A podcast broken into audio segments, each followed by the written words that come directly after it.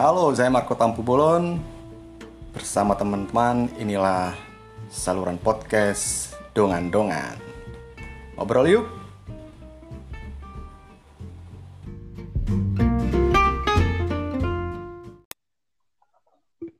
Merdongat-dongat kita. Horas.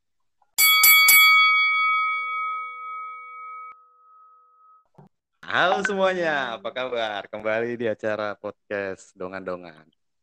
Uh, Akan episode pertama, saluran podcast Dongan-Dongan. Kita uh, mau mengangkat topik yang ringan-ringan saja, tidak berat-berat. Uh, dua teman saya, ada Lai Irfan Sihombing dan juga Bung Aryo Yosia. Dua-duanya bekerja di media. Uh, Irfan di media Indonesia, sementara Aryo Yosia di bola.com. Dua-duanya udah bos lah, pokoknya udah top. Nah, saya sendiri Marco Tambolon. bosok. Ya, saya akan saya akan menemani dua teman saya berbincang-bincang malam. Hostnya nggak disebut dari mana. Oi, saya dari media yang nggak terkenal mereka lah pokoknya. Adalah. Ah, inilah. Kita disebutnya apa nih sekarang ya? Jadi kita Kuli tinta, kuli disket, kayaknya udah enggak ya. Udah kuli udah, kuli apa? Kuli bangunan. Ya kuli aja udah, nggak usah nggak nggak usah pakai tinta nggak pakai, udah kuli, udah kuli kita. Budak Hmm. budak kapitalis. Kerja pakai pakai kerja pakai keringat, udah kuli pokoknya nggak usah kita kategorikan lagi lah kategori kuli tinta, kuli ini kita udah kuli aja udah pokoknya. Kuli lah ya. Kuli lah ya. Kuli lah. Bahasa kerennya sama kuli media mainstream lah ya. Iya, pokoknya kuli lah. Kita geraknya pakai jari ya kan, keriting jari ngetik terus. Iya. Senam jari tiap hari. Jadi, Kita mau ngomongin apa kok? ini kita inilah covid itu aku tuh agak ini covid ini apa namanya pusing gitu kadang takut lihat orang-orang santai-santai ya kan mau santai Mm-mm. lihat TV buset yang angka yang positif naik terus ya kan nah itu Ya, sebenarnya Ya. gimana ya gimana ini aku tuh Ngomong-ngomong nggak, tapi Iya. ngomong-ngomong dulu nih. Ngomong-ngomong, eh, kita Ah. udah berapa lama nih? Kalau gua kayaknya kalau ngomongin kita kerja di rumah nih udah 8 bulan ya. Kalau gua ya. Ya, hampir 8 bulan lah. 7-8 bulan. Iya ya. Lama juga ya. 8 bulan ya makanya ibarat kalau di ya istilahnya kalau kita di penjara tahanan rumah ya 8 bulan lumayan Nah, ini tahanan rumah lah ya. Lebih kejahatan ringan. tahanan rumah lah ya. eh penganiayaan eh bukan penganiayaan penganiayaan berat ya Irfan apa ya yang hukuman ringan 8 bulan oh, 8 bulan bayangkan aja kita tahanan rumah 8 bulan gitu Iya, iya, iya, iya. iya kan aku tuh wah aku tuh orang yang bukan parno ya tapi ya karena kita sering ini ya eh, tulis beritanya juga terus baca di di media juga kan. Jadi kita ngerti lah sebenarnya kan yang yang ya, bahaya itu ya penularannya gitu loh. Tiba-tiba ada aja yang kena gitu. Apalagi kalau baca media aduh macam-macam gitu loh. Ada orang yang cuma ngambil paket kena. Ada yang apa namanya mau siapa kena gitu. Bah, nah, Ngeri kali kalau sampai Cuman ngambil paket kenal loh. Tiap hari lah kita ngambil ya paket. ada ada Tuh. Maksudnya, ya enggak di Indonesia sih di luar negeri ya. Di luar negeri dia dia apa namanya udah isolasi mandiri bukan isolasi mandiri maksudnya namanya work from home. Ke mana-mana di apartemen. Hmm. ya, keluar bentar-bentar lah gitu. Tapi dia habis terima paket kena. Ya itu ya maksudnya itu testimoninya dia lah ya. Kita nggak tahu kebenarannya kan kayak apa gitu kan karena kan medis yang yang nentuin. Cuman maksudku ya dari situ kan kita tidak bisa wanti-wanti lah ya siap-siap apa pastinya kalau keluar ganti baju terus sampai rumah ada paket tas semprot dan segala macam Cuman preventif lah Jadi sebenarnya kalau menurut gue menariknya gitu. gini juga, bro. Ini menariknya juga nih. Hmm. Kita ini kan sering nih pekerja media ini kan dianggap sebagai orang-orang yang suka menakut-nakuti COVID. Tapi sebenarnya ya pada realita dan kenyataannya kita I- semua juga tapi takut itu ya. juga sebenarnya Iya ya. ya, ya satu udah takut ya tambah takut juga lah ngelihat Iya. Cuman yang sebenarnya kalau aku mau mau mau, mau ke lingkungan sih lingkungan kita. Ya udah di hari-hari ya kayak di tempatku lah umpamanya.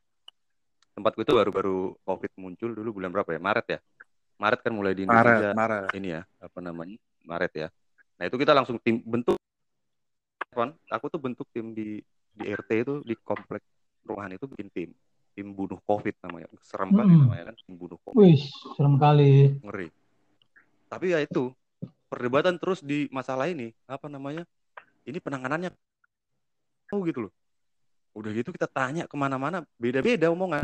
Terus cari dari internet beda-beda juga ini ya penanganannya. Tapi ya Tapi- udahlah oke kita ambil ininya. Pokoknya tiap ini semprot tiap Sabtu semprot oke gitu. Nah itu itu semi, sebulan pertama itu masih tertib orang masih pakai masker.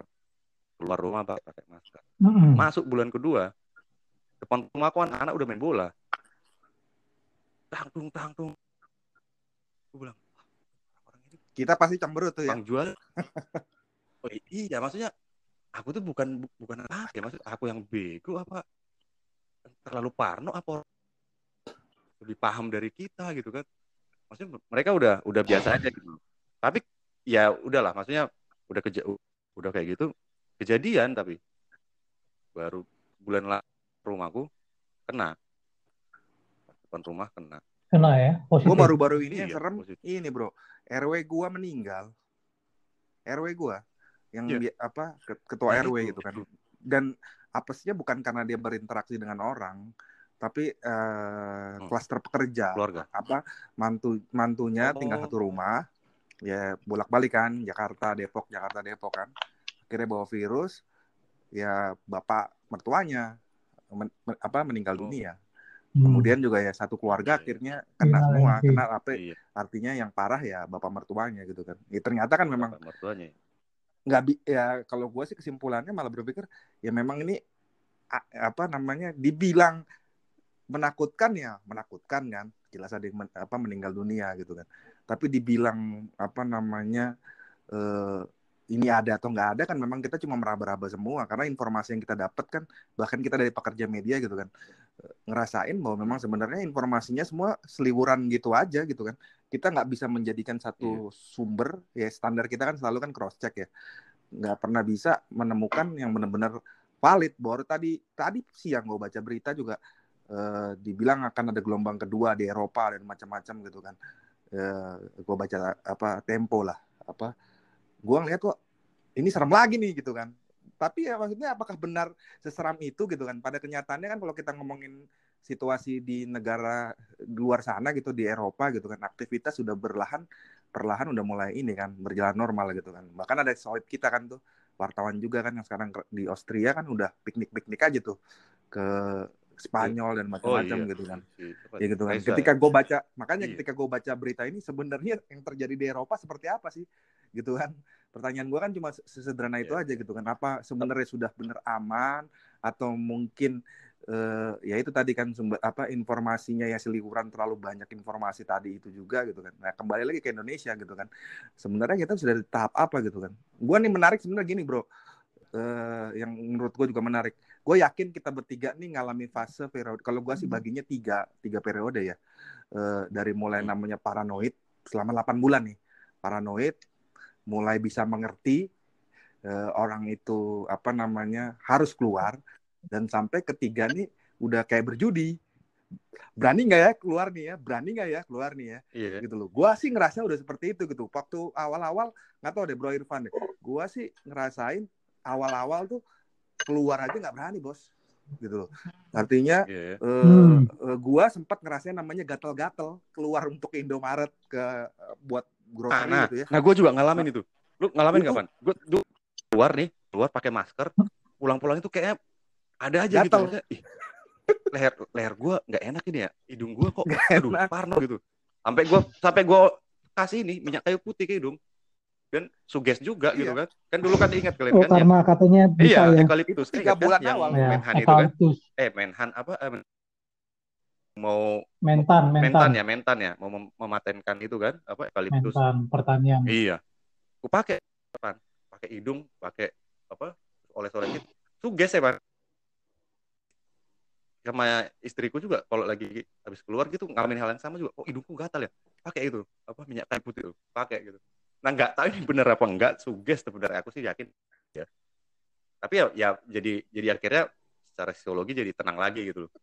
Nah aku tuh sebenarnya agak agak agak bingung itu maksud tuh orang itu sebenarnya fasenya sama nggak sih kayak kita ya? Maksudnya apakah memang dari awal udah ada yang cuek terus tapi terus terang ketika lihat orang cuek aku juga tenang juga gitu. Lihat orang-orang mulai berseliweran Tapi memang gitu. ini sih kalau menurut gua, Bro, ini juga memang kelemahan literasi bangsa kita sih. Yang ngomong kebangsaan lah ya.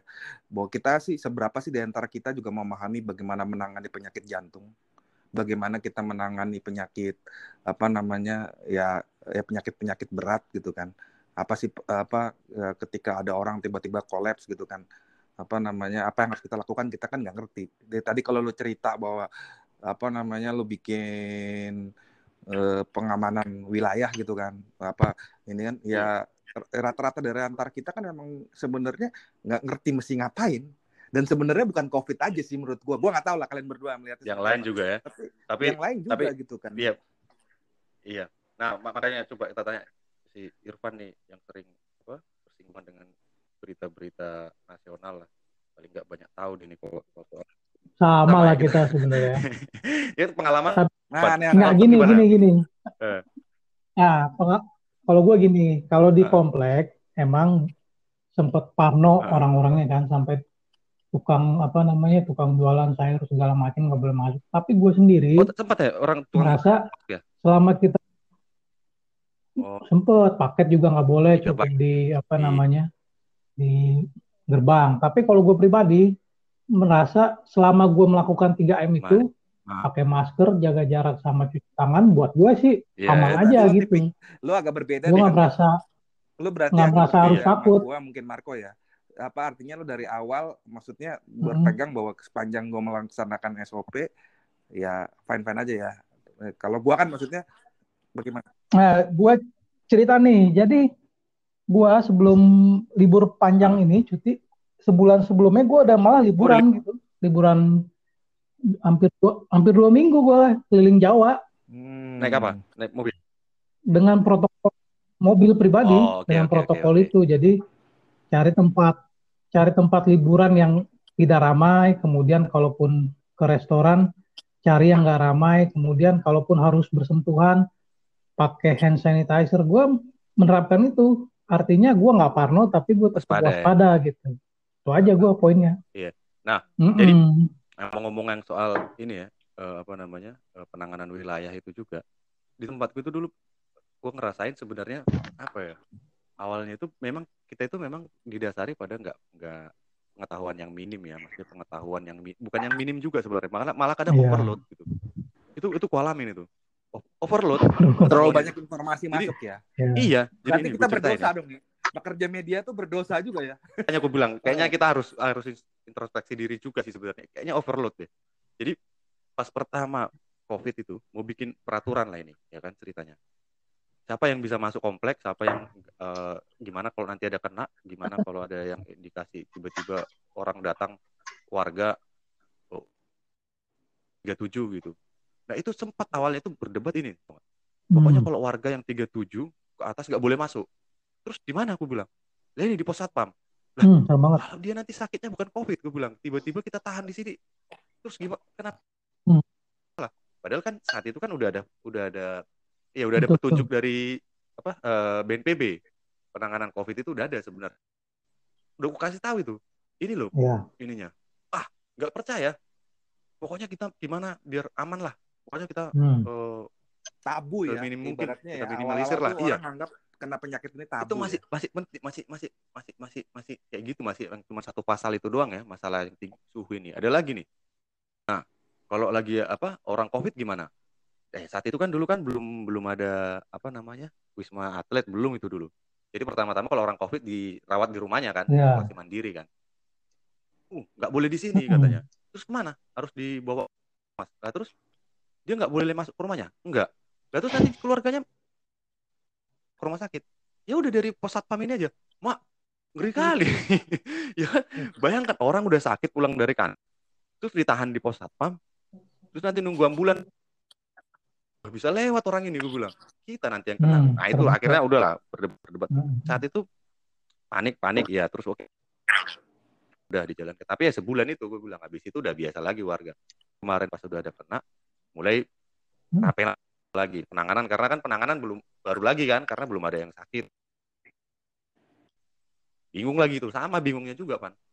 Makanya ya ini media juga sebenarnya kita harus introspeksi Iya. juga dulu. Karena kadang itu overload. Karena apa? Yang berseliweran itu apa? Link berita.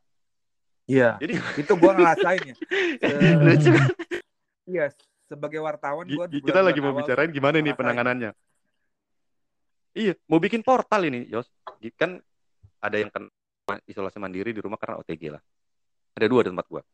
Satu yang dirawat di rumah sakit. Jadi itu kalau dirawat di rumah sakit kan udah oke tinggal tes kalau negatif apa positif baru nanti ada pelakuan nah kalau yang OTG dirawat di rumah jadi di portal lah. Ini mau biar orang nggak seliweran kan karena kan ya istilahnya di, di situ. Hmm, hmm. itu yang berseliweran Oke. link berita pan wah.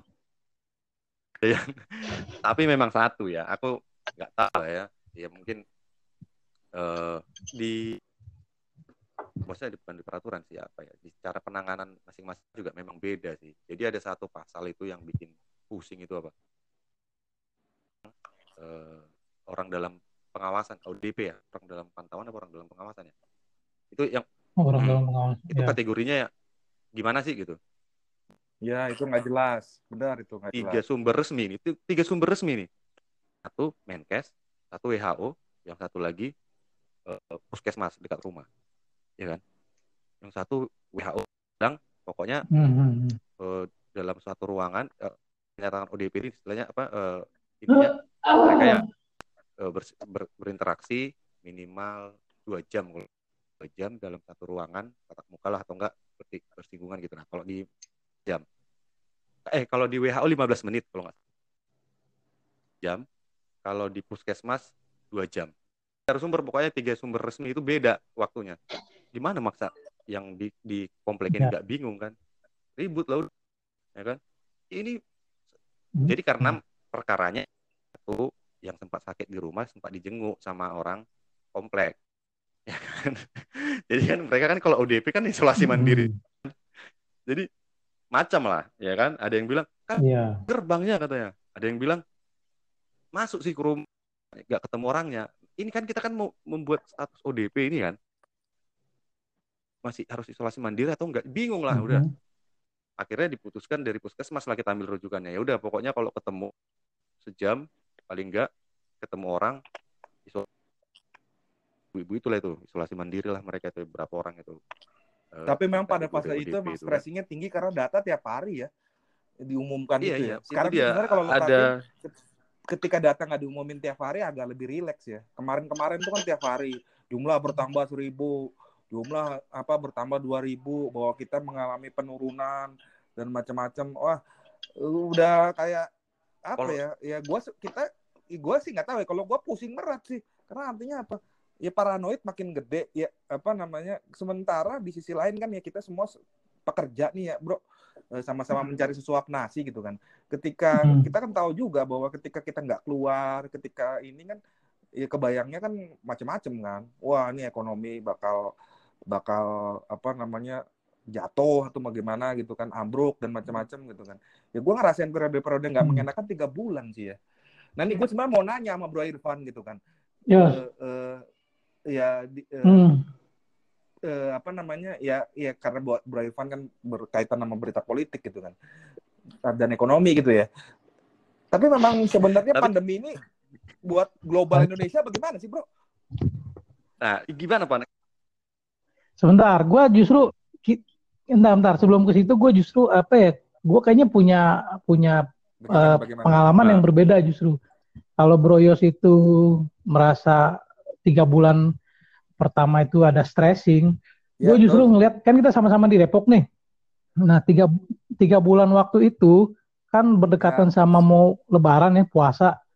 Kalau gue keluar komplek gue itu kayak nggak ada ini ya? pandemi. Hmm, Yang jualan yang jualan apa namanya yang jualan ngabuburit juga Oh. banyak. Terus macetnya bukan main kalau mau mau apa mau sore itu buka puasa beli gorengan segala macam itu Nah, itu motor agak itu, lucu. bererot. di Republik Depok tercinta. Makanya gue bilang waktu iya waktu itu Iya, kayaknya waktu itu ada masyarakat terbelah. Ada masyarakat yang Parno, ada Tapi masyarakat ya, yang karena- karena kalau- gini maksud Maksud, maksud gue Itu justru, di Depok sendiri apa namanya informasinya juga hmm, masif ya kan. Jadi ada beberapa yang memang udah melek informasi, mereka udah pada, tapi yang memang nggak nggak sampean, maksudnya nggak bukannya informasi rutin itu, mereka masih menganggapnya itu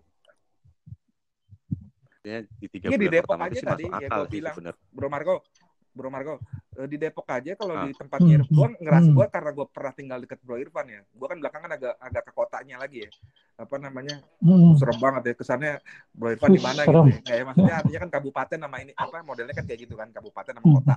Nah, ya iya benar. Gue punya Ya, alun-alun bro. Gue juga masih di situ sih. apa namanya? Gua itu, gua ngelihatnya eh, di tempat yang menjorok ke Jakarta agak lebih tertib. Tertib dalam arti bukan tertib sih sebenarnya, Hmm. paranoid. Lebih tepatnya Hmm. paranoid ya. Kalau ngomong tertib, gue sih nggak yakin orang Indonesia tertib sih. Ya. Dasarnya nggak ada yang tertib semua gitu. Wah, lu Eh, tabrak sana tabrak sini. juga. Hmm. Cuma paranoid paranoid gitu loh. Artinya orang dokom di rumah, apa artinya eh, kompleks sepi dan macam-macam itu gua ngerasain. Bahkan portal di mana-mana. Sampai det- detik ini tur- komplek gua juga masih di portal gitu kan. Artinya cuma jalan satu yang dibuka gitu kan. Itu dari awal dari 8 bulan Hmm. gitu kan. Cuma memang ketika ya itu kan setelah kan gue bilang tadi setelah fase tiga bulan gua ngerasain gua nggak pernah keluar rumah gitu kan. Gua keluar gitu kan gua mencoba untuk mulai berani. Itu berani dalam arti gini ya kan mulai kan jenuh tuh titik jenuh kan mau nggak keluar gitu kan. Ya mulailah kan istri kita kan juga work from Mhm. home nih gitu kan. Wah gua Hmm. kayaknya pengen punya hobi baru Hmm. nih. Kembang kan lagi tren tuh kan. Ayolah Nah, namanya berburu kembang lah. Ke daerahnya Bro Irfan Oke. tuh. Makin pinggir gitu kan. Iya, Ah, sering gue lihat tuh intinya pas lagi naik mobil kan. Ke situ. Gue parno sendiri bro. Makin parno. Kenapa? Kok gue bilang gini ini aneh kali nih gue bilang nih. Apa namanya? Semakin gue ke apa eh, ketika gue di daerah gue di Kelapa Dua apa namanya menjorok ke Jakarta itu ya orang-orang banyak Hmm. pen- penuh dengan parno begitu gue ke daerah rumah gue yang lama deket Bro Irfan ini orang kayak nggak ada apa-apa gue bilang gue bilang ini Hmm. gue yang gila tuh apa Iya, betul. eh, apa ya apa pemahamannya gitu loh gue sampai geleng-geleng gitu kan buset ini orang nggak pakai masker dan belakangan kan setelah itu kan kalau lo nggak eh, klaster yang klaster yang pinggiran di Depok itu kan agak-agak me- meninggi gitu kan Cibinong dan ini gitu kan apa namanya setelah kejadian itu gitu kan. Ya ya menurut gue sih ya ya inilah Indonesia. Hmm. kita kita benar-benar nggak tahu sebenarnya mau ngapain gitu loh. Apa gue tadi makanya nanya eh, ya gue jujur aja 8 bulan itu sebenarnya mesti bertanya-tanya gitu kan. Walaupun gue pernah jadi wartawan ekonomi sebenarnya gue juga pengen tahu gitu kan sebenarnya. Eh,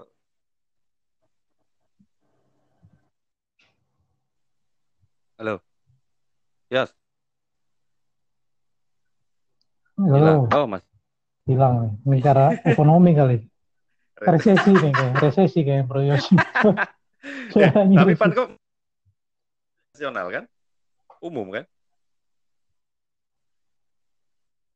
Korlip ya. Nah, tapi tapi Korlip kalau dari segi kebijakan jadi gimana sih? gerakin anak-anak. ya, kan lebih banyak lah kalau gue kan masih di olahraga gitu. Jadi kalau kan yang sering bersinggungan sama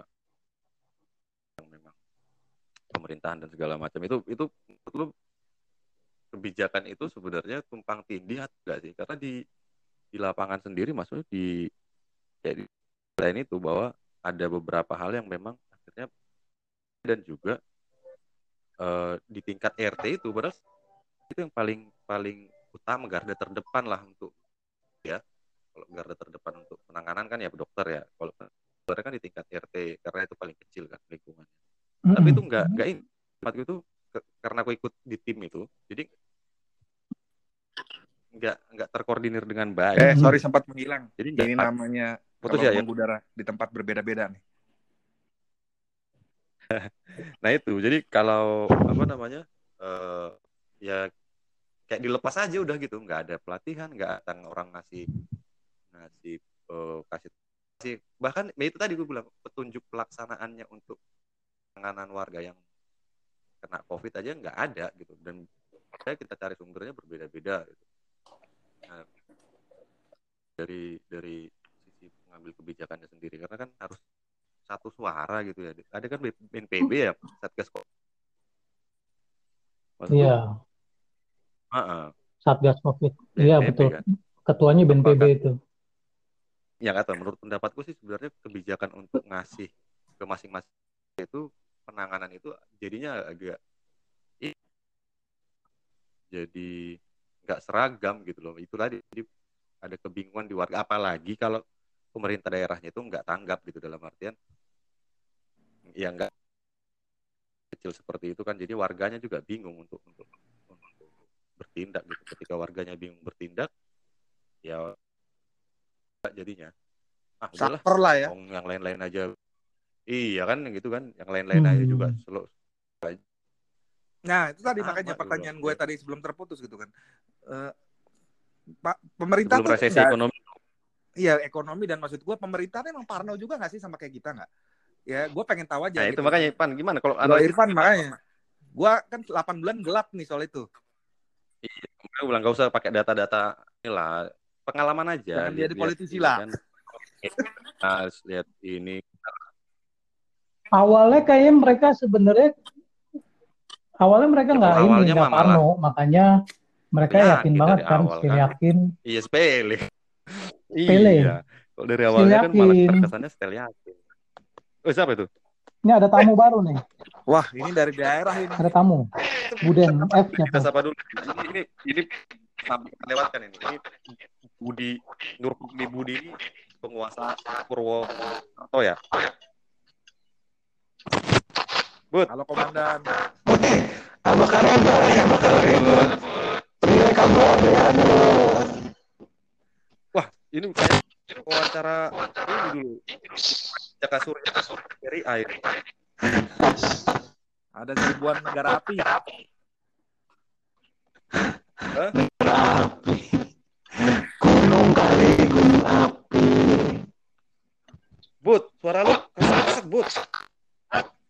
Bud. suaramu juga kerasa-kerasa. Keluar lagi, keluar dulu. Lo coba join lagi pak apa? Nah, ntar kita tungguin Ya, itu itu lanjut dulu itu- lah. Lanjut itu. Aku udah pers- udah ini Ngeri penasaran itu si Bro Irfan tadi. Iya, kalau dari awal still yakin memang mereka. Terus makanya kan persiapan apa namanya APD segala macam kan gak disiapin kan, sempat kita Iya, mengalami Masker, kekurangan iya, kan, iya. kelangkaan masker juga kan awal-awal tiga bulan itu. Karena, karena dari awal mereka mereka yakin kita nggak masuk Oke, oke. gitu, nggak kena COVID. Nah akibatnya apa? Akibatnya mereka terlambat bikin yang namanya satgas ini. Gitu. Ketika negara-negara lain udah mau wabah, Si. Enak Bud. ya? Aku aja yang ngirimin link. Bentar, Bud. Lu coba eh, keluar dulu ntar gue keluar gue ke mana gue kasih linknya tunggu. Lanjut pak. Natural kita. Lanjut. Jadi ketika masuklah, masuklah COVID itu pertama Maret ya kan dengan apa pasien satu yang dari Depok ya kan, mulailah di situ mereka mempersiapkan walaupun terlambat sebenarnya. Akibatnya kalau terlambat dari pusat ya Makin ke daerah ya. juga sosialisasinya makin lambat juga walaupun walaupun mereka mengklaim enggak pemerintah sigap kok. Buktinya apa? Buktinya kami ketika mahasiswa di Wuhan kami segera pulangkan. Terus kami apa namanya ke- ketika ada Ya, kapal ya, pesiar yang di Jepang itu ada WNI di kapal pesiar kami juga langsung istilahnya ngelesnya lah pemerintah. Tapi kan kita bisa lihat bahwa Ya, Itu nggak yang- strategis ya. kasuistis tapi secara umum Ya, iya sih. nggak strategis secara umum mereka harus kita akui memang agak terlambat dalam Ya, ya, menyiapkan ya. aturannya apa sih sehingga sampai sekarang nih banyak penerapan di mulai dari pemerintah pusat daerah sama eh, apa namanya RT bahkan di tingkat yang paling kecil berbeda-beda kenapa karena memang dari atasnya sendiri Ya, ya. dari awal kurang Ya, antisipatif Ya sebenarnya Itu sih kalau akal gua. juga sih. Ka- Kalau gue sih bukan dalam posisi ini ya. Ya di setiap negara juga sebenarnya kan mereka juga kan belum siap ya. Ta- Tapi yang jadi yang yang bisa gue sorotin itu adalah satu kesiapan secara beda gitu loh. Memang itu penentu sih sebenarnya. Jadi kalau di kita kan PD-nya sebenarnya- jadi nggak ada ya. PD-nya tuh nggak Iya, ada karena eh, karena ya, tadi. Bro Irfan cerita ya tumpang tindih tadi ya. Kalau gue, Jadi PD hmm, ngepek ke kita Sporadis semua gitu kan. Akhirnya kita jadi kayak Hmm. orang-orang yang terpecah-pecah gitu kan dengan ber- bertahan dengan Iya. gayanya sendiri karena nggak ada sesuatu yang benar-benar bisa jadi pegangan ya apa namanya sama Ya, ini sih kalau gue nyorotin gini gue juga nyorotin gini sih bro apa namanya yang agak mengerikan menurut gue adalah ya di sini sebenarnya jadi kelihatan ya fasilitas kesehatan kita tuh parah ya itu sih agak ya ironis itu tuh ya. satu. Tapi emang iya iya itu nggak bisa. Jadi akhirnya semua kan terbuka gitu. Jadi apa pas, bukan bukan parah sih ya apa namanya ya iya sih maksudnya parah dalam artian satu ya maksudnya dari sisi infrastruktur juga ya kan Kesi- Ya bukan juga salah pemerintah Ya. sekarang juga sih menurut gua. Ini dari tumpuk dari puluhan tahun kan kita tidak pernah mempersiapkan ini gitu kan. Ya ya kenapa gue bilang begini karena kan ya gue punya beberapa teman lah di luar gitu ya apa namanya ya, mereka juga parah artinya orang yang kena juga banyak gitu kan Hmm. tapi penanganannya Iya. mereka lebih lebih safety kita contoh Singapura gitu kan Singapura kurang Hmm. apa apa porak-porandanya atau Malaysia gitu kan tapi mereka ke- ketika ada orang yang ada orang yang Nah, terkena gimana? eh, mereka tahu mau diapain nah Yos, kita kan tahan dulu, Yos. ngapain? Yos Yos tahan dulu kita sapa dulu si Budi Bud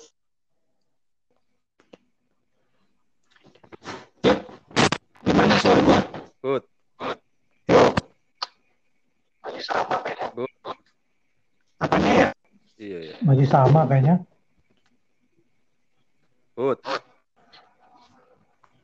sinyal lu kayaknya Bud ya? Kayak gini gimana jadi suara? Kok lumayan Bud jadi delay apanya nggak tahu nih ntar dulu ya. Bingung juga bro. install dulu aja Kayak gini gimana? Oh masih delay? eh masih iya delay delay. Suara lu malah nggak kedengeran coba lu ngomong. Tes, tes, tes. Satu, dua, tiga. nah ini apa namanya? Kresek-kresek kayak plastik kresek di remuk gitu loh. Kresek. Iya juga sama sih. Eh, kedua, kayaknya nggak tahu antara filter di suaraku atau ini karena ente ngomong juga kesek-kesek juga. Jadi kayaknya ada yang salah deh. oh sebentar sebentar Suara gua juga pecah-pecah gitu. kalau gini pecah nggak Nah kayak gini suara aku gimana? Kalau suara gua bagus sih. oh pecah suara lu Nah ini masih kocok lagi, kocok-kocok lagi. ini natural banget ya ini baru pot ya. Ini tes kresek jadi gunung selamat kayaknya kayaknya. maaf para pendengar ya ini kesalahan teknis. Sinyal. Ini sinyal. Sinyal nih. Oh, Iya, buat iya, smartphone kan, ya, sinyal. Gua apa sinyal- sinyal kalian ini. Ini kalau secara langsung buat smartphone kemarin emang agak delay pas yang ngobrol sama basket tuh oh ya udahlah buat live dulu ya. Iya, ntar ntar eh, pakai ini aja, apa namanya teknologi yang lain aja. Pak. Ini Ntar coba pakai ini deh, cek-cokin sama ini pakai earphone coba. ah, boleh boleh coba coba coba coba. Nanti ya, oke sip. Ya ya. Bye dulu. Salam hangat dari orang Gunung Selamat. Ya. Wah. Iya iya. Tapi di, Harus kayak dia soalnya eksklusif. di luar negeri tuh. Puerto Rico, Puerto Puerto Rico Puerto Rico Oh, dia. Jadi memang sinyal agak susah di sana. oh. Ya gitulah. lagi-lagi Indonesia tidak merata internetnya ya Iya, apa tergantung pohon beringin. Kalau ada pohon beringinnya dekat rumah itu kayaknya sinyal hilang. iya loh gua nggak nyambung nyambung Lanjut, lanjut, lanjut, terputus ya ya maksud Iya. gua yang agak menyedihkan tuh kan kita sebenarnya ketika ya semua nih se- seluruh negara ngerasain lah apa paranoid kemudian orang yang kena banyak dan macam-macam tapi mereka punya penanganan kesehatan lebih baik sih gitu loh. Karena ya Iya, gua iya. sendiri pribadi nih gua harus jujur gitu kan. Sampai detik ini pun gua belum pernah namanya tes kesehatan gitu loh. Eh, yang Iya, dia ada di betul. kepala gua kan cuma sederhana bahwa kalau gua ke Hmm. Kalau nggak demam nggak iya udah demam-demam kalau bisa pun diselesaikan di, secara di adat rumah gitu ya. di rumah gitu kan. Iya Iya, apa iya. namanya nggak bisa gitu loh bahwa nggak berani lah. Ya mau mau ngetes pun informasi yang yang informasi di mana tesnya bagaimana prosedurnya gitu kan Nger- apa kita nggak nggak nggak nggak nggak jelas semua simpang siur. Kenapa gue bilang simpang siur? Karena gue ngerasain gitu teman kerja gue juga gitu ya di bola.com gitu kan. Dia udah niat nih datang eh, dengan PD kayak ini juga ditolak-tolak juga gitu kan. Nah, akhirnya ya udah deh kalau misalnya nggak boleh tes gitu kan. Iya. ya saya eh, di di di rumah aja gitu kan. Ya sama gue ngerasain seperti itu. Sampai 8 bulan ini gue belum sama sekali eh, Pernah. pernah ngetes gitu kan. Karena gue nggak ya. tahu mau ngetes di mana. Cuma ngomong Iya, tes iya. massal nih sekarang ada di sini. Tapi kita nggak tahu gitu kan mau bayar bayar juga bagaimana gitu kan. Yang ada kan bayar kita dengan dengan ya paranoid kan. Paranoid datang ke rumah sakit. Karena sering ada kejadian bukan ser- bukan sering lagi ya maksudnya selalu ada kejadian yang sama gitu kan. Ada kan yang yang bulan ketiga kalau nggak salah. Ada eh, anaknya eh, salah satu teman di antv gitu kan. Hmm. dia produser news gitu kan. Oh, Eh, iya, anaknya Tuh, dibawa ke rumah sakit Sedih gitu. malah koma gitu kan. Artinya malah jadi terpi- terpicu virus gitu kan. Penyakitnya makin parah gitu kan. Ya yang kayak Hmm. gitu-gitu sih. Yang maksud gua agak-agak ini apa ya kita Hmm, hmm, hmm. harus ngakuin bahwa Indonesia nggak siap gitu loh. Ketika Ya, tapi- gagap di atasnya di kitanya gagap. Maksudnya benang-benangnya kelihatan sebenarnya bahwa yang benar yang kata Irfan juga bahwa kita itu kausistik itu oke kita sigap tapi secara strategi sih menurut gue kita memang belum ada perangkatnya yang memang akhirnya bisa langsung istilahnya kayak tekan tombol tuh ini yang dijalankan. Nah itu kayaknya belum deh. Kalau di luar itu itu yang udah mereka punya gitu loh. Jadi ketika ada nggak cuman pandemi covid aja gitu loh ketika pandemi yang lain juga ada mereka itu udah punya satu apa eh, at- peraturan strategis atau memang apalah ya istilahnya kayak eh, aturan mainnya lah yang dibuat secara eh, lewat pemerintahan gitu. Jadinya tinggal dijalankan aja gitu. Nah terlepas nanti Bro Irfan. seperti apa berarti sekarang mulai panik dong ya. Awalnya kan tenang. Ya, sekarang udah mulai panik nih ya. Atau bagaimana? Atau artinya mau sekarang mulai teratur lah ya. Ya karena gue gini sih. Ya gue selain juga artinya minim ya minim informasi enggak. Ya gue yakin Bro Marco hampir sama sih karena kita curhat-curhatan juga. Kalau gue sekarang udah nggak mau Memang- gue lihat informasi. Nah itu baru gua, gua mau ngomong gitu kan. Makanya ini kan kayak orang Goa kita bro. Kita kayak orang di bukan Goa bukan bukan. Aku itu aku itu nih gini bentar aku itu ada setelah 8 bulan ini setelah 8 bulan ini Bro Irfan sama ya gimana? gue tuh ada pemikiran dari sisi apa ya Hmm. kurasi berita jadi itu yang gue pakai dalam kehidupan gue tuh gue ada prinsip kurangi menatap layar perbanyak waktu untuk keluarga keren gak itu Ih, setuju Keren itu, gua. setuju itu setuju ngeri setuju iya itu kan? gua. Ih, jadi sebenarnya benar yang lah Irfan itu bilang tadi 3 m itu yang penting gitu sedap. Mencuci tangan iya betul. pakai masker menjaga jarak. 3 Iya kan? Ini yang penting kan? Ini yang tiga ini yang penting. Pakai masker. di luar sebenarnya apa pun jarak, yang ada di betul. media itu semuanya itu cuma turunan yang ini gitu loh. Mau bikin judul apa 10 cara penanganan covid. Ada cuma tiga itu. Hmm, gitu hmm, kan turunannya itu doang. Nah sisanya nanti cara gimana penanganannya kalau umpamanya prosedur penanganan gitu kan. Itu kan ada udah dikeluar dari awal itu yang ku ini ku, ku download eh, ininya apa sih istilahnya itu dulu ya namanya ya? Eh, kayak petunjuk bukan petunjuk prosedur- protokol protokol kesehatan protokol penanganan. Itu kan dikeluarkan masing-masing ini kan apa kan instansi eh, resmi lah. Menkes keluarin Oke. BNPB aku ambil satu aku pilih satu. Nah sekarang udah ada puskesmas dekat rumah gue gue pakai itu gitu. Pokoknya kalau ada yang ini hubungin si ini terus penanganannya kayak gini udah. Itu aja lah yang kupegang sekarang pokoknya karena menurutku itu apa pun yang ada di perseliweran di media lah ya maksudnya eh, informasi apa pun sebenarnya bermuaranya ke situ semua gitu loh untuk penanganan pencegahan iya Nah, ke- selain ini ya apa namanya angka statistik gitu loh. Nah, statistik itu aku udah berhenti lihat. Kenapa? Ya udah logika aja lah kita. Eh, pasti naik masih. Mm, mm, mm. Kalau turun baru kita baru turun. lihat ya kan. Kalau turun baru wah ternyata wah turun wah bagus gitu kan. Tapi kalau kalau mana kalau naik terus kan kalau kita liatin tiap hari angkanya naik, uh naik seribu, naik dua ribu, kan sakit kepala kita. Ya, Mending nggak usah nggak usah lah, maksudnya nggak usah fokus ke situ. Hmm. Istilahnya Oke, ya, bisa yang betul. lain kita kerjain kan ya baca berita apalah, baca berita yang lain yang buat kita gitu. Oh iya iya iya. Oh Naruh iya, barang ini dia, lah, naruh barang, YouTube-nya bro. ngomber lah. Naruh barang dia. Tapi ya iya itu aku aku tuh prinsip dari awal itu gitu. Jadi aku kumpul kumpulkan aja lah semua informasi-informasi yang penting udah aku berhentiin sampai situ gitu loh. Ini sama satu soal nonton vaksin. TV cuma nonton Netflix sekarang sama nonton TV kabel. Hmm, hmm, Artinya ya sama baca situs olahraga doang karena kerjaan kan ya. Tapi Iya. memang makanya tadi gue bilang istilahnya gue udah merasa seperti orang gue karena gue memutuskan kayak gitu karena Hmm. memang benar tadi semakin banyak informasi yang ya gue sih nggak nyalain maksudnya karena kita kerja di media kan kita tahu prosedurnya juga ya. Artinya bagaimana Iya, iya, sebuah iya. berita dibuat gitu kan. Tanggung jawab tanggung jawab moralnya gue yakin di media-media mainstream itu masih ada lah ya. Artinya masih semua Iya, iya. pegangannya itulah. Cuma gua kan nggak nyalain seliuran informasi. maksudnya gue Iya. bukan nyalain media gitu loh. Maksudnya aku salah orang apa salah Saking banyaknya kalau gue Nah, menurut gue cuman bro. masalahnya kan media itu Artinya- banyak ya. banyak terus mengumpul Iya, tapi sebenarnya kan arahnya sama gitu loh maksud tuh ketika kita Ya. baca beberapa berita kita kan akhirnya habisin waktu di situ nah terus eh, bukan berarti juga kita nggak baca informasi enggak gitu aku juga nggak bukan nggak baca informasi vaksin perkembangan vaksin masih gua gue ikutin karena itu kan istilahnya ada apa ya istilahnya Jangan keluar lah ya.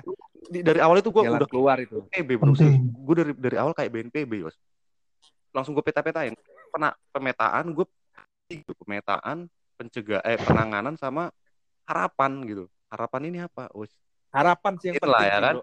Menurut kita memelihara harapan itu kan penting.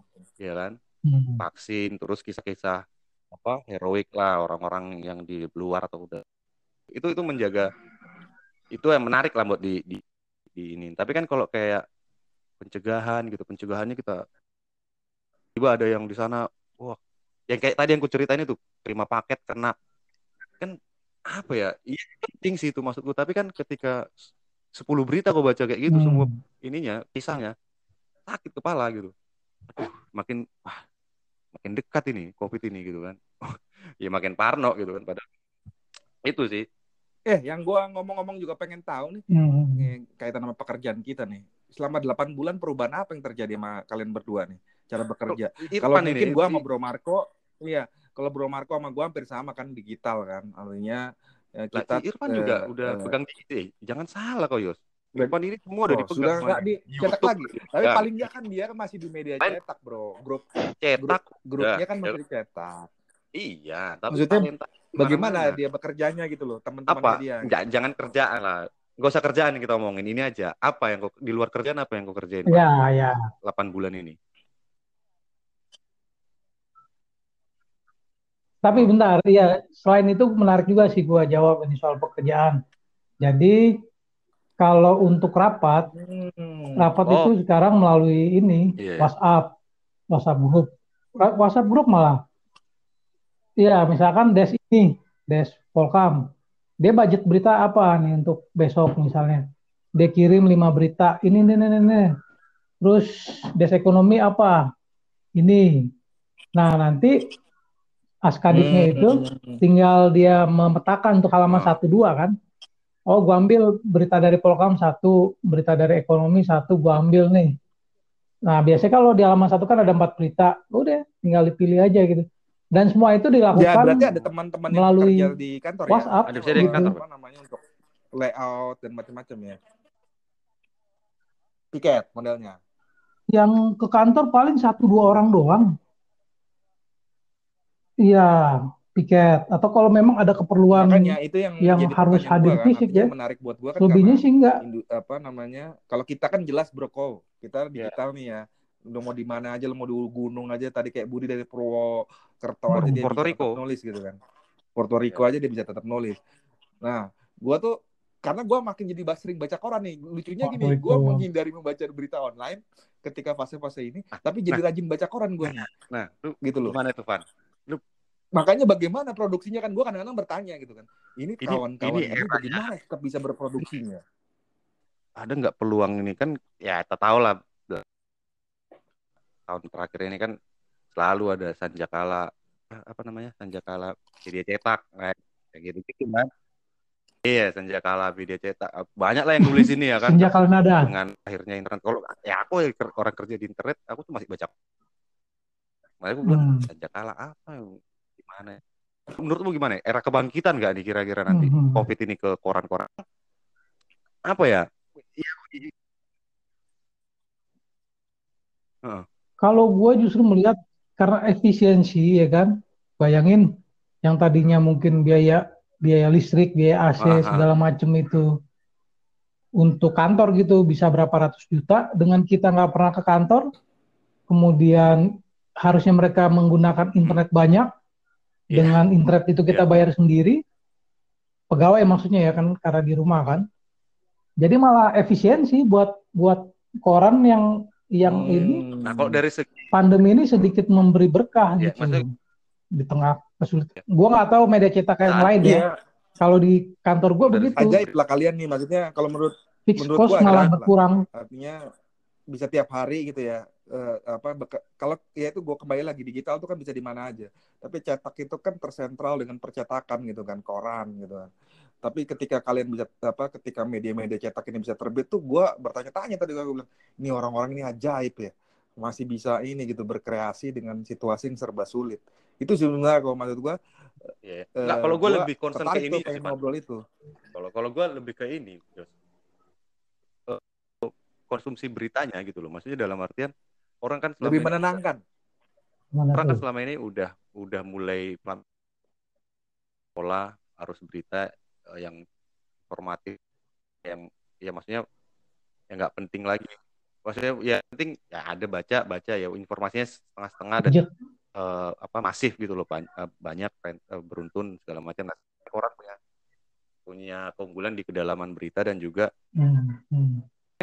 kalau gue yang kalau dari gue sendiri sih sebenarnya satu hal yang membuat gue itu masih suka baca koran apa gue nggak capek bro gue udah dipilihin berita gitu udah dikemas gitu. Kalau kita online kan kita nyari sendiri kan. Kamu lama-lama Kelihatan usiamu kok. iya makanya gue bilang. Kelihatan usiamu itu. ya bisa jadi sih. Maunya Tapi dilayani. gue tuh lebih itu ya yang ku, ku pikirin gitu. Nggak tahu mungkin di, di- sekarang sebenarnya udah bisa kan kurasi berita. Kita cuma cari berita apa aja udah bisa kita setting gitu. Tapi yang yang nggak yang sampai sekarang yang masih gue nikmatin adalah satu.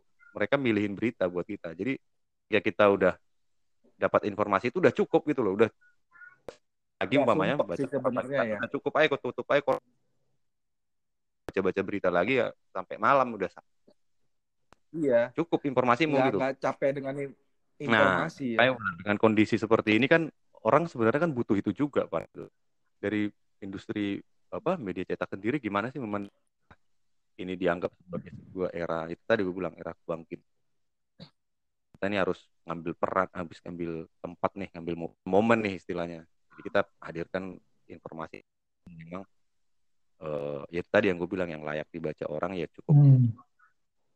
udah terpenuhi kebutuhan informasinya dari pagi Kalau masyarakat yang waras sih menurut gua masih sebenarnya potensi bener kata lo bro. Artinya bahwa eh, ketika kita seliweran informasi yang begitu banyak dan kita udah kecapean untuk menyaringnya gitu kan koran bisa menyajikan informasi yang nah, itu.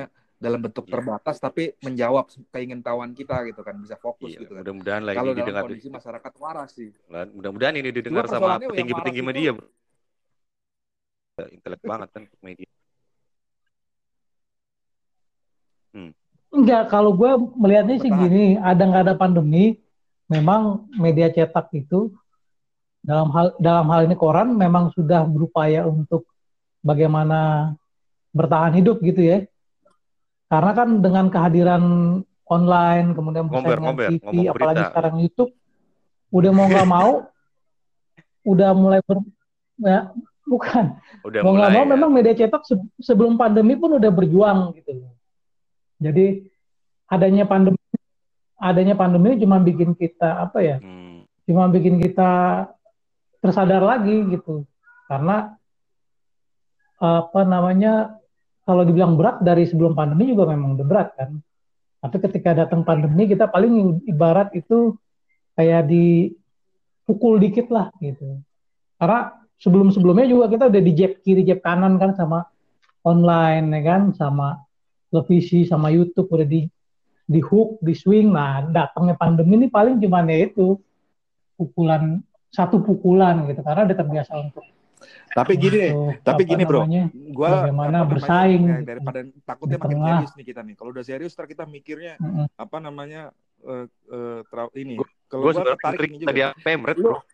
Sebenarnya orang dengar Iya, kita langsung ngomong sama Pemret ini. Nah, nah makanya nggak. Kalau gue Ini gini, gini katanya. gue tuh gue pengen tahu gini pemret itu bro. keseharian ya keseharian lo nih kan apa artinya kan eh, dengan ya itu ya gue sebenarnya memancing pertanyaan itu bukan ingin eh, membahas soal industrinya ya gue sih sebenarnya gue sama Bro Marco juga masih ingin cetak terus ada gitu kan karena buat gue tuh eh, Hmm. pengawal demokrasi yang terbaik itu ya eh, media cetak gitu kan Mm-mm. nah gue lebih ini sih tertarik gitu kan bagaimana lo menyesuaikan diri di masa pandemi gitu loh di Mm-mm. kehidupan sehari-hari gitu kan karena eh, lo di rumah gitu kan apa eh, eh, bagaimana lo menyesuaikan diri gitu. Gue tertarik gitu Mhm. apa, eh, menjalankan deadline.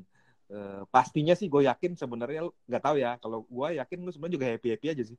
Karena larinya memang tadi Marco bilang eh, waktu kita buat keluarga lebih banyak sih terlepas dari ini sebuah kejadian yang tidak mengenakan buat banyak orang gitu ya. Tapi ada sisi baik positifnya bahwa interaksi kita dengan orang-orang terdekat kita kan makin makin kuat gitu kan nah lo bagaimana tuh menyesuaikan sebagai wartawan cetak tuh bro Mhm. Ah, ini ini tadi yang dicoba diputar sama Bro Marco nih. Oke, gue jawab lagi. Kalau eh, ritme kerja gua sebenarnya nggak jauh beda dengan sebelum-sebelum pandemi ini. Rapat itu kan tiap jam dua awalnya malah sebelum pandemi itu rapat jam 12 sama jam 3. Rapat terakhir tuh jam 3. Nah, sekarang malah cukup jam Oh. 3 aja terbantu dengan rapat melalui WhatsApp gitu. Sementara untuk nge-layout berit- nge-layout apa Oh, segala macam, semua berita ya, segala macam itu paling semua yang melalui yang nggak server. bisa di rumah itu ya percetakan paling kan. menyesuaikan Server diri aja juga dari- ya teknologinya ujung-ujungnya memang Se- menuntut Betul. dia perubahan juga ya jadi berubah juga ya Iya. artinya semuanya lebih simpel ya Iya. lebih lebih lebih sederhana ya ternyata nggak seperti bayangan Mm-mm. gua yang kayaknya makin crowded aja ternyata malah makin simpel ya Nah, malah simpel justru gue akhirnya dikasih beban baru. Gue disuruh apa namanya bikin tanggung jawab tuh ada program Hmm. Jurnalis on Duty, live Instagram sama narsum-narsum. Tiap Oh, Senin, iya. nih, ini promo juga nih. Tiap Senin jam 8. Justru karena waktu lu- luang jadi lebih banyak, kita yang yang yang Baru masih nih, produktif gitu ya. ini di, dikasih tanggung jawab untuk nih ini ada program nih gitu. Ya, Jadi walaupun ya. core-nya adalah cetak, nah kalau teman-teman oh, yang online juga harus ya, digarap gitu. kan eh, karena di olahraga gitu kan eh, event olahraga Indonesia mati kan kita banyak kan menyadur dari luar kan artinya informasi dari Hmm. luar gitu kan banyak aktivitas benar-benar murni dilakukan dari kamar lah Hmm. dari mana gitu kan untuk mendapatkan berita gitu kan kalau di di harian umum tuh teman-teman masih berjuang di lapangan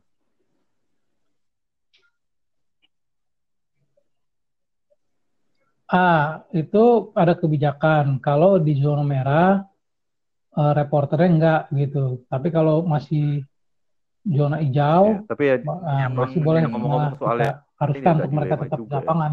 apa ya maksudnya serem-serem juga ya. Kan di satu sisi kita juga eh sebenarnya kan ya di wartawan Itu kedalaman. di wartawan itu jurnalis itu kan eh, berita yang seharga dengan nyawa gitu. Tapi di seperti ini kan ya masyarakat juga harus apa kebutuhan informasinya juga harus dipenuhi gitu.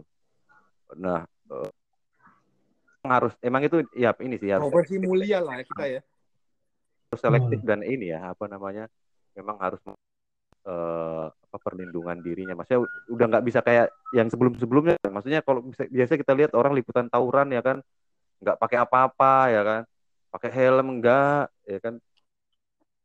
Udah aduh aku pikir orang di luar negeri demo udah pakai perlengkapan yang lengkap gitu. Helm pakai baju apa anti peluru lah segala macam. Ya di kita itu memang aku pikir di industri media juga udah mulai menerapkan protokol peliputan sih. Dari awal kita itu ya menurut gue sih sangat lemah di sini. Ya kalau nggak bahaya bahaya banget bisa aja lah. Ya. apalagi masalahnya yang paling parah apa? Kalau kita pakai lengkapan yang standar keamanan gitu tawain orang kadang ya kan? Kok tuh diketawain orang nah itu unik tuh. Ya kan? Itu kayak itu kadang yang bikin itu kita itu jadi naik motor gini, nih bro. sebenarnya kita kayak itu nggak kondisi gini kan kita harus sebenarnya nggak harus malu pakai. APD kalau liputan kan. Liputan ke rumah ya sakit lu gitu. kemudian lampu merah nih. Di lampu merah lu stop nih. Stop kan karena lampu merah nih. Tapi orang lain pada jalan gitu kan. Kita yang dianggap manis sendiri itulah udah kejadian di mana-mana sih. Kita yang Itu, benar iya, malah jadi sebenarnya yang sih. salah jadi jadi momen sih sebenarnya. Ini ya kan. Ya industri media juga harus berbenah lah untuk untuk yang di lapangan. Karena memang ya penting. Ya masa suruh orang ke rumah sakit ya kan? Nggak dikasih APD berita yang apa eh, kesaksian pasien kan mampus kan? Jadi ya maksudnya intinya sih sebenarnya ya udah.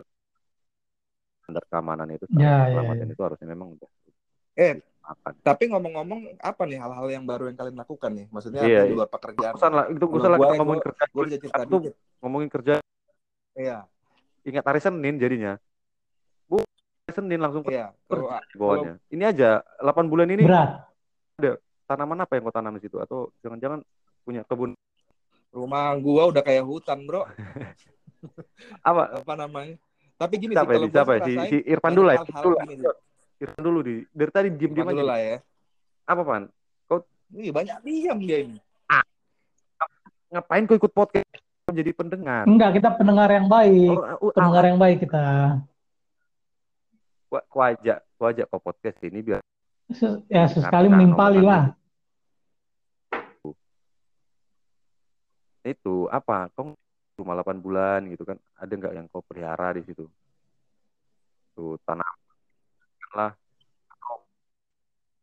Olahraga. Oh oh iya. Ya, sama lah ya. Ketik tanaman.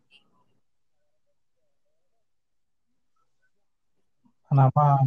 Olahraga juga. Olahraga juga jalan. Jadi iya gua sejak meninggal bro ditinggalin Gua sama Bro bro. Yos nih jalanan GDC ini Kagum diperbaiki nih. kagum gua Iya kan? Nah, oh gue tuh bisa jalan ah. jalan PP satu jam itu enak tuh karena jalanan gede sekarang kan dan lagi diperbaiki ini ada satu jalur yang yang apa Oh, jalan namanya belum bisa dipakai kan nah itu dipakai sama sama pejalan kaki sepeda. Tapi gue lebih banyak jalan sekarang. Karena sepeda oh iya iya. era gue udah jalan Iya, yang iya, iya. baru-baru Ah, aja sepeda. lagi- kalau gue Eh, sebelumnya ngomong- sepedaan aku kan. ada cerita ini. sepeda gua lagi Sebelum booming. sekarang servis mahal itu. Gue ada sepedaan Nah, gara-gara aku balik aku ceritain lah ya. Ini lucu ini. Aku tuh pas lagi kan. Aku tuh pengen lah naik sepeda. Ah udahlah naik sepeda lah. Aku gitu naik sepeda. Iya. belilah sepeda ya kan? Harganya aku jual lagi aku naikkan lima ratus ribu. Dua hari laku. Wah aku bilang daripada main sepeda gue menjadi bisnis sepeda aja. Aku jual lah itu sepeda. Untung laku lima ratus ya kan? Pas mau aku beli lagi udah sakit kepala aku aduh. Ya ini ya gua nih baru se- aduh ya ampun. Se- sejam Tapi- sebelum lo kita ngobrol-ngobrol ini gue lagi nanya-nanya nih soal sepeda kan apa gue punya sepeda udah ringsek kan. Artinya udah nggak pernah gue pakai bertahun-tahun kan. Gue dulu beli beli kisaran 3 jutaan lah gitu kan. Eh gue Hmm. tanya sama teman gue gitu kan. Ini apa servis bagaimana bro? Iya. gitu kan. Apa bisa apa lu katanya punya teman yang ser- bisa servis nih gue tanya gitu kan. Ya nih gue lagi servis nih. Lagi lagi masukin sepeda gue juga nih. Kena berapa kau? Gue tanya gitu kan. 1,5 gue ngekek sendiri gitu kan. Buset udah setengah harga aja gitu kan. Kayak beli sepeda Hmm. baru gue bilang gitu. Hmm, kawan gue deng- nyaut dari dari sana kan dia bilang ya harga sepeda lu sekarang udah 5 jutaan juga bro. Wih. Iya, tapi memang gila itu sepeda. artinya artinya iya. Hmm. gitu kan. ya gue sih ngerasain ya bro broko. Kalau gue sih ngerasain memang sisi baik dari situasi ini sebenarnya gue banyak melakukan hal-hal kecil juga sih yang sih. yang iya iya. nggak- banyak nggak ya macam-macam ya banyak hal. Olahraga malah jarang gue bro ya Olahraga ya. artinya banyak hal yang dulu kita nggak Nggak. bisa lakukan karena pekerjaan kita kan memang menuntut menuntut waktu malam lah. Jadi apa kita tahu sendiri lah pulang bisa tengah malam dan macam-macam gue sering ketemu tuh zaman masih tinggal di dekatnya Bro Irfan tengah jelang tengah malam apa sering ketemu gitu kan. Kita besok pagi udah bertarung lagi gitu kan. Ketika kita walk Iya, ketemu ya gue ngerasain bahwa eh, di luar ke ya kesibukan kita ya. Artinya bahwa kita bikin memproduksi berita dan macam-macam kan tetap jalan gitu. Tapi banyak hal-hal kecil lain yang yang hobi-hobi yang masa remaja dan macam-macam tuh bisa gua kerjain sih. Kalau gua ngerasain itu sih. Artinya eh, menikmati jadi orang rumahan sih. Gitu. Ternyata memang setelah berbelasan tahun belasan tahun bekerja di lapangan bekerja waktu yang nggak tentu gitu kan akhirnya gue merasakan merasakan bahwa ternyata menjadi orang yang jadi tahanan rumah seru juga ya gitu. Melakukan hal-hal yang banyak yang nggak nggak pernah kita lakukan gitu loh.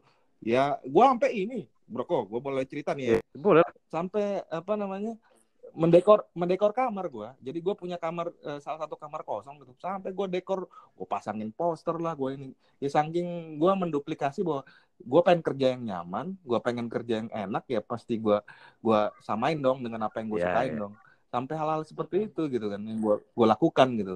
Eh, istri gue juga sekarang tiap hari Hmm. kebun gitu kan. Hal yang maksud gue dulu kita nggak pernah bisa melakukan itu karena waktu kita terlalu padat ya gitu. sih. Ya praktis kan cuma weekend weekend ketika kita libur baru kita melakukan hal yang eh, hal lain gitu di luar pekerjaan kita dengan keluarga gitu. Sekarang kan everyday lo ketemu istri lo eh, Bisa. apa, eh, Iya. ketemu ya orang-orang deket lo ya gitu misalnya keluarga atau apa mungkin yang deket apa rumahnya deketan gitu kan atau bagaimana gitu. Ya banyak hal yang ini sih. Ya gua kadang-kadang berpikir ini kayak seperti ya walaupun sebenarnya dalam tone positif ya. Ini hal bahagia di tengah penderitaan orang. Iya. Gitu. Tapi bagaimana? Bagaimana? Nah, sekarang gue mau nanya nih, Bro Yos, bentar, gue salah nih. Ada nggak fase ketika apa namanya. Wah, sering di rumah malah jadi fase-fase ceritain sering berantem sama istri? Ada nggak tuh? Kalau gua ngerasain gini, gini. Siapa Aku- dulu aku. nih? Siapa dulu nih? Gua dulu aja kok ya. Aku. Maksudnya nanggung Ini nih. Kalau Kenapa, iya kenapa? aku Ngomong, duluan Nah. kalau makanya. berantem gua sama istrimu. Abang, gua dulu ya. Enggak, Jadi Aja. lainnya, aku tuh kan lebih tua dari. Ya kalau kata orang tua itu, Wah, tua yang paling tua eh, gua lah, masa lu berapa tahun berapa sih? Enggak Iya, lah. iya, sila, sila. 78 Iya, gua. ya, berarti ya, ya 78, gua, gua- tuanya lah hampir 80. sama tuanya masih masih Irfan masih muda ini.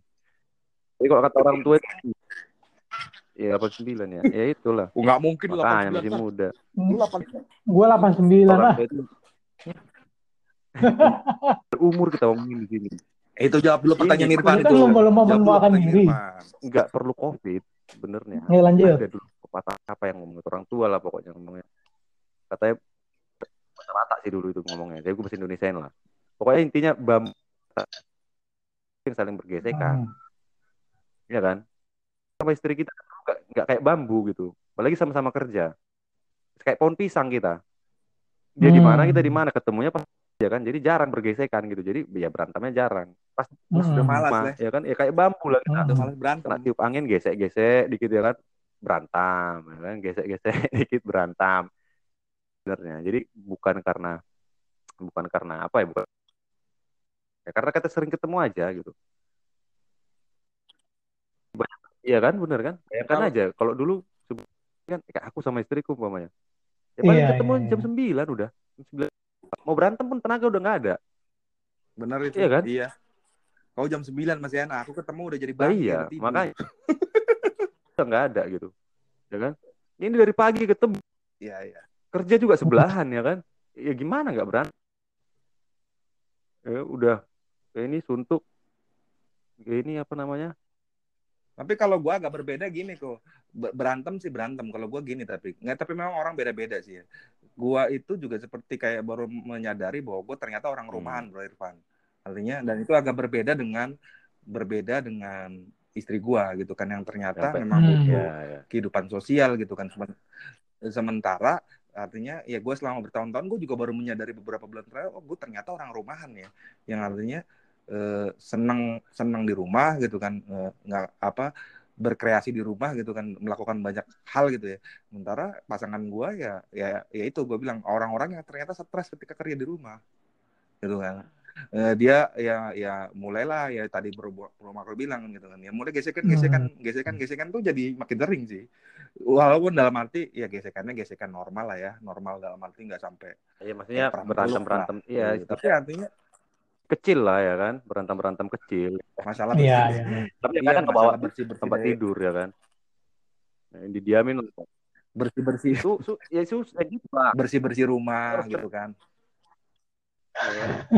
Ya karena itu tadi gue bilang ya, bayangkan setiap hari ketemu perbedaan kata aja nanti bisa. Debat ya kan?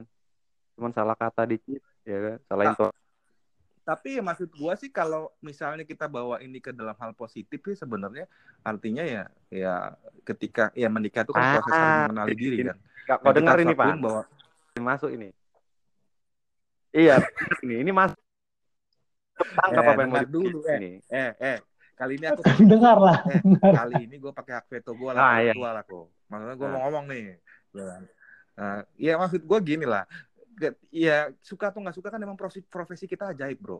Ajaib itu dalam arti dari sisi pertemuan Eh, pertemuan Nah. dengan pasangan kita gitu kan. Bahkan ya kita gue yakin lah ya kita masing-masing dari kita tuh kita pernah ngalamin periode yang memang artinya nggak ketemu pasangan kita dalam waktu yang lama bro. Irfan pernah kayak keliling Eropa. Iya. eh ingat Gua pernah bukan sama, Eropa apa eh tiga- Eropa Eropa tiga tahun. Amerika Eropa eh, eh, eh, Amerika ya? yang sama sih. Eropa nah itu tuh Ya, gua pernah juga ngerasain gitu kan. Eh, lanjut, Tahun-tahun lanjut. tiga Lanjut, tahun lanjut. Ketika ulang tahun istri gua, Hmm. gua di luar gitu kan, harus pergi keluar gitu kan. Dan salah satunya ngecengin dulu kan Bro Marco gitu kan, datang sama lu kalau inget lu kok Hmm. sebenarnya zaman dulu kita lagi Hmm. mau pergi Hmm. ke mana gitu ke ke Yangon Yangon Yangon kita. ya Yangon Istri gue ikut datang ke bandara gitu kan. Ya kan ke bandara bareng-bareng istri gua ke Cina, gua ke Yangon gitu kan. Apa sama-sama tuh kan. dan itu bertahun-tahun gitu.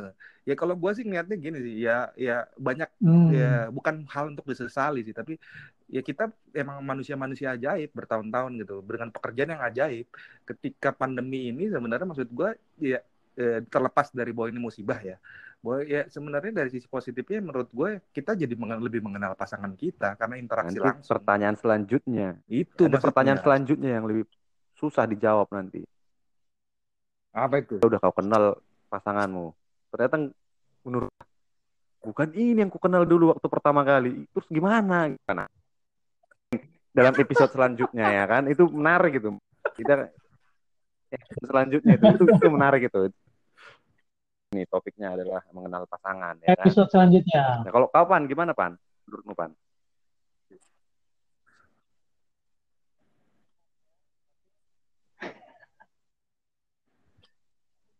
Iya sama lah, makanya aku terbiasa, tanyakan kan? kan. Tapi ya itu fase-fase awal sih. Tapi sudah ke sini-sini ya udah harus belajar. Iya harus belajar udahlah. Iya. Jadi kita jangan cepat Tapi marahnya ya, harus ta- tapi- tapi- gitu. karena Tapi sebelum- menurut sih akhirnya yang begitu, perlu- ketemu ritmenya kan. sebenarnya, karena kita itu di rumah juga kerja kalau di kantor juga kita kan marah-marah kalau nggak marahin nah aduh ini berita kok susah banget dapatnya jadi kita Mm-mm. sebelah kita kadang kalau di kantor ya sebelah kita kadang yang kena ya kan? Kalau di rumah ya yang sebelah kita ya kadang kena juga. Oh, apa ngomong apa gini? Ah, apa sih? Itu kan Hmm. ya ribut lah ya. Ya, biasa lah maksudnya ya kayak gitu. Memang karena kita lagi ini membawa dunia luar ke dunia rumah kita gitu. Dari dunia kan iya itu. Kita mau sama Iya. sih gini sih Van. Eh, apa namanya? Bambu lah ya tadi filosofi bukan bambu pamer ya. bukan maksudnya apa-apa. pamer juga tapi gue yakin Bro Marco juga merasakan di yang sama podcast ini mau pamer mau ini nggak apa-apa. Ya nggak. Iya nggak maksudnya gini lah. Nggak maksudnya kan kita punya balita. Kebetulan kan nggak tahu kan tahu-taunya bersamaan lu sama gue lagi punya balita Hmm. gitu kan.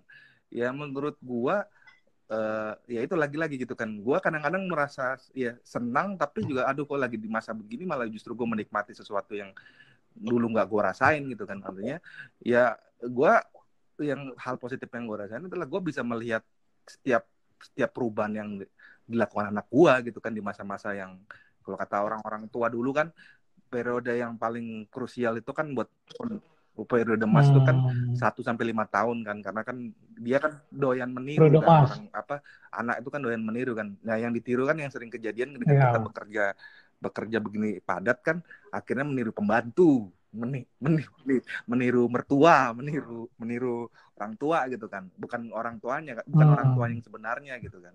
Artinya ya gue ngerasain itu gitu kan. Akhirnya gue bisa pegang pegang anak gue gitu kan. Itu yang harganya mahal sih. Makanya gue sih gue percaya tadi makanya gue bilang pengharapan penting gitu loh. Walau dalam situasi apa pun yang susah tentang COVID, yang menurut gue kita harus tetap punya Iya. pengharapan sih pengharapan tentang pekerjaan kita, tentang Iya. kehidupan kita, gitu kan. Ini lama-lama jadi podcast Jadi rohani. Aduh, aduh, aduh, aduh. Tapi tahu kalian? Ah, bagaimana, Bro? Ini mati kawan-kawan nih. itu ya kan nggak perlu ini ngomong nara sama bawa apa narasumber gitu ya kan harus jaga om- kalau sama kawan-kawan ini ya kan enak ya.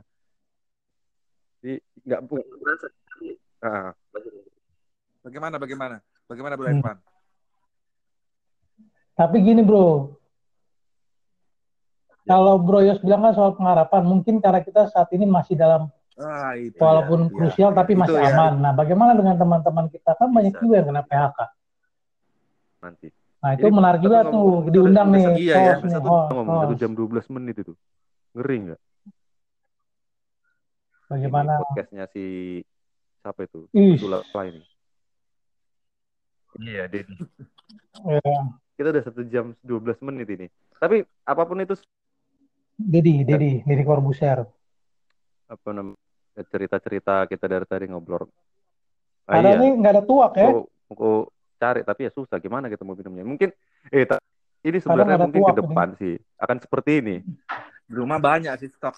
Di rumah stok banyak. akan seperti ini kayaknya metode orang untuk kembali berkumpul dengan teman-temannya ya. Yang paling aman itu sebenarnya yang ngobrol. Tapi lewat podcast ya kan.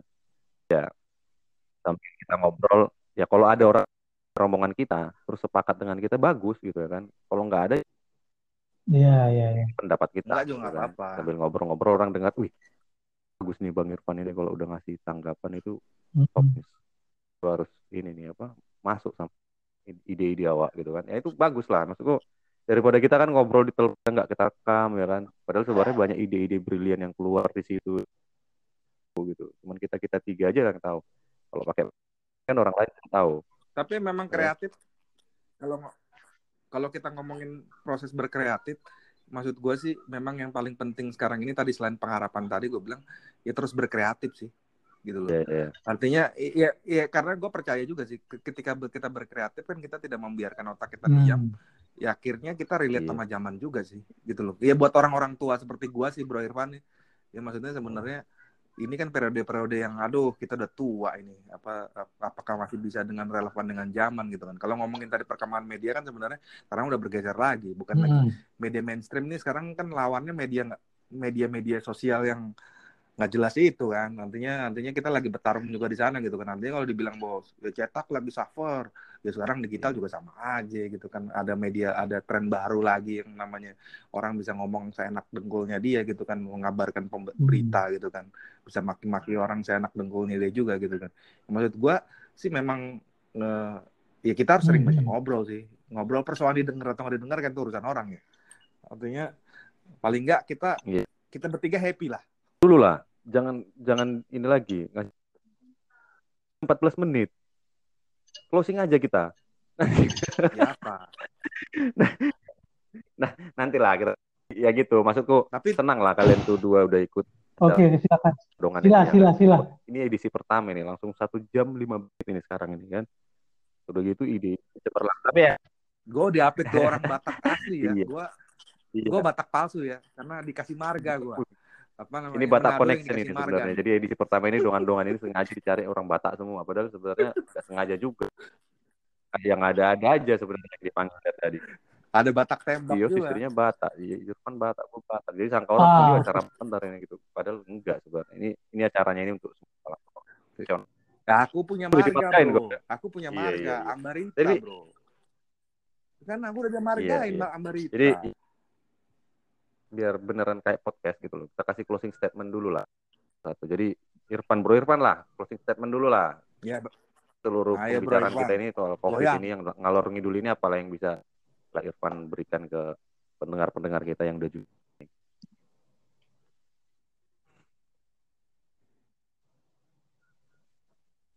Mm-mm. Nah, kalau ada teman-teman yang ingin berlibur ya kan di tengah pandemi ini, menurun silakan berlibur daripada apa namanya pikiran Iya, sumpek apa pun karena bisa kalau masuk. pikiran sumpek kan daya tahan tubuh menurun. Kalau daya tahan tubuh jangan menurun, covid Eh, kan juga Ah. bisa ya kan itu mudah terserang virus. Itulah. iya Tapi Iya. yang ya, intinya inilah ya ada di diri kita tapi yang ya, penting jaga kita 3M itu. Praktekkan aja 3M membawa itu. diri di Itu sih closing dari ya. saya. 3M itu memang kuncinya sih sebenarnya oke lanjut ke Bung Yos lah closing statement Bung Yos jangan ayat-ayat ya Kalau gue kan sederhana aja. Jangan jangan Ih, kurang ajar iya. kau. Banyak kan ngomong. nggak apa-apa lah, nggak Host apa-apa. Ayat-ayat juga orang apa-apa. jadi kayak gini. ayolah Pan, Pan, ini dua host, dua host digabungin jadi kayak gini jadinya. Jadi tumpang tindih. Enggak intinya kalau gua sih gini sih, Bro. Artinya ya jangan lupa bahagia. Ay, Artinya ya kita di Iya, penjara iya, iya. Gitu kan. Kita di penjara iya. Tapi artinya nikmati aja masa-masa yang mungkin kita nggak bisa lakukan ketika situasi normal gitu kan. Dan selalu tadi gue setuju sama lo bro. Berpengharapan. Intinya ya kita anggap aja lah kita ngomong kosong aja lah buat tahun depan udah beres semua lah ya mudah-mudahan gitu vaksin kan. Intinya ya. jangan lupa juga sering-sering Oh, buang iya. uang. Ah, inilah yang Karena susah aku tuh. menurut gua penting juga tuh buang uang, menghidupkan Iya. perekonomian. Gila, Gitu loh. luar Artinya, biasa. Janganlah kita jangan cuma mikirin nabung Iya, doang, nabung juga percuma. Nabung ketika eh, teman-teman kita di jalan yang butuh sebenarnya artinya memutar ekonominya dia kan ya kita juga sama juga bohong kan. Mendingan ya artinya ya, ya Iya, iya. santai aja, disikapin Ya, santai. kalau ada aja. duit, Kalau ada duit ya nggak usah pelit-pelit lah itu. Tapi kalau nggak ada duit jangan kau buang-buang juga gitu. Nanti nanti Iya, duit udah kurang, royal buang- lah. buang buang uangnya ini yang besar proper pasak aja. dari tiang ya kan, duit udah kurang, terus Nah. royal lagi ya kan. Tapi ya menarik sih mas nggak tahu diri itu namanya. apa, pesan dari teman-teman Pak Irfan sama si Bung Yos ini top lah. Makanya gue bilang nggak salah. Pak Ambarita, Pak Ambarita ya. Jangan kalau kau sebut marganya nanti jadi orang besok-besok sangkain ini Lai Ambarita itu, Mandong Lai ini Lai udah orang Ambarita. banget. Kalau nggak nyanyi, main catur katanya. Gila. Jadi aku tuh nggak mau podcast ini cap orang, wah ini kalau nggak nyanyi, ini pasti ngomongin lagu, kalau Eh. nggak nyanyi ya. Ya, Tapi gue seneng tuh yang besok tuh maksud gue kita udah lah yang edisi kedua. Soal bagaimana kita merawat kasih sayang lah. Apa namanya sama istri itu bagaimana. Boleh, boleh. itu seru juga itu. Tapi gayanya kalau- kan beda-beda yang, kalau yang kan. episode itu ada yang harus kalau ada ada yang kawan-kawan kalian, teman-teman kalian ya apa ya bidang apa ya cocoknya itu pan ya yang ngomong kayak gitu ya. Kalau kita kan kita cuma berdasarkan pengalaman gitu kan. Maksudku yang secara secara sains gitu lah secara ilmu pengetahuan eh apa ya masuknya situ ya? Bagian apa ya? Hubungan suami istri. Apa ya? Kan ada kan bidangnya. Psikolog kali psikolog ya. Apa? Kalau ada lah kawan-kawan kalian. enggak enggak. maksudnya serius-serius. Psikolog, nah. psikologi, kalau ada serius-serius. teman gitu kan kita undang aja. Jadi buat pembanding aja. Jangan kita nanti wah pendapat kita udah kita pikir yang benar nggak taunya dari ilmu pengetahuan salah pula ya kan jadi mending kita ada ada ininya lah apa namanya eh, pembandingnya ada yang kayak gini gitu bisa lah nanti episode selanjutnya lah itu jadi gua- Bro Apa? Irfan Bro Irfan tapi di, tadi dia muter-muter dia nggak bikin kesimpulan sendiri gitu kita dijorokin kita ngasih kesimpulan nasihatin Ya. orang eh, justru Ya. itu kan aku hostnya jadi aku tuh cuma aja kalian nanti kan yang udah Aduh. mewakili tuh Tahu. Main Inti- aman intinya sebenarnya. aman. sebenarnya eh, buat pendengar bahwa pertama atau edisi pertama podcast dongan-dongan. Jadi konsepnya seperti ini, ngalor ngidul. Jadi apa yang kami bicara obrolan teman sebenarnya. Mungkin ada beberapa yang eh, sepakat atau mungkin ada beberapa yang mungkin tidak bersepakat. Nggak mengharuskan eh, para pendengar juga harus mengikuti. Ngomongin enggak. Kita ya cuman kalau ada yang memang bisa diambil jadi masukan ya bagus. Kalau enggak ya tinggalkan aja maksudnya dan aja lah gitu. Ya enggak? Ya kan?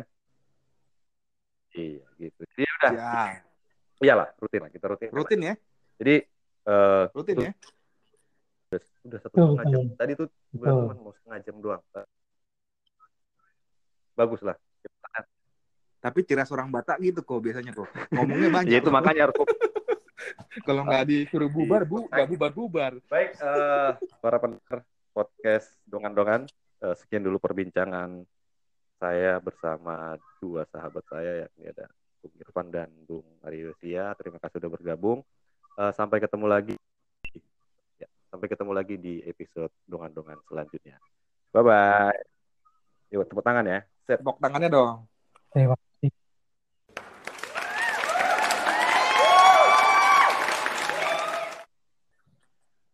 Udah, udah, udah. Ya. Ya, oke, makasih ya, makasih bro ya. Pelatih gue udah. Makasih bro ya. Pelatih gue udah. Podcast dongan-dongan. Eh, Sekian dulu perbincangan saya bersama dua sahabat saya yakni ada Bung Irfan dan Bung Aryosia. Terima kasih sudah bergabung. Eh, Sampai ketemu lagi. Ya, sampai ketemu lagi di episode dongan-dongan selanjutnya. Bye bye. Yuk tepuk tangan ya. Set. Tepuk tangannya dong. Terima kasih.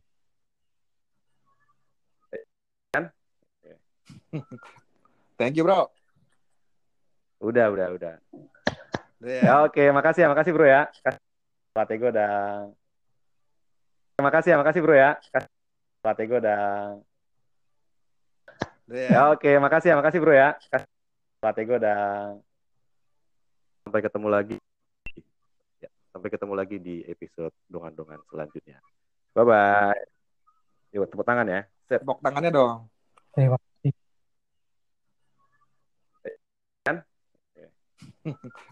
Thank you, bro. Udah, udah, udah. Ya. Ya, oke, makasih ya, makasih bro ya. Pelatih gue udah.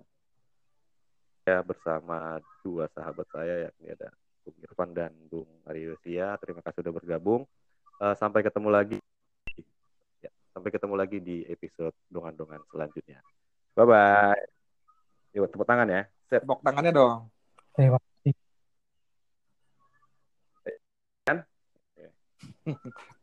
Thank you, bro. Udah, udah, udah. Ya. Ya, oke, makasih ya, makasih bro ya. Pelatih gue udah. Thank you, bro. Udah, udah, udah. Ya. Ya, oke, makasih ya, makasih bro ya. Pelatih gue udah.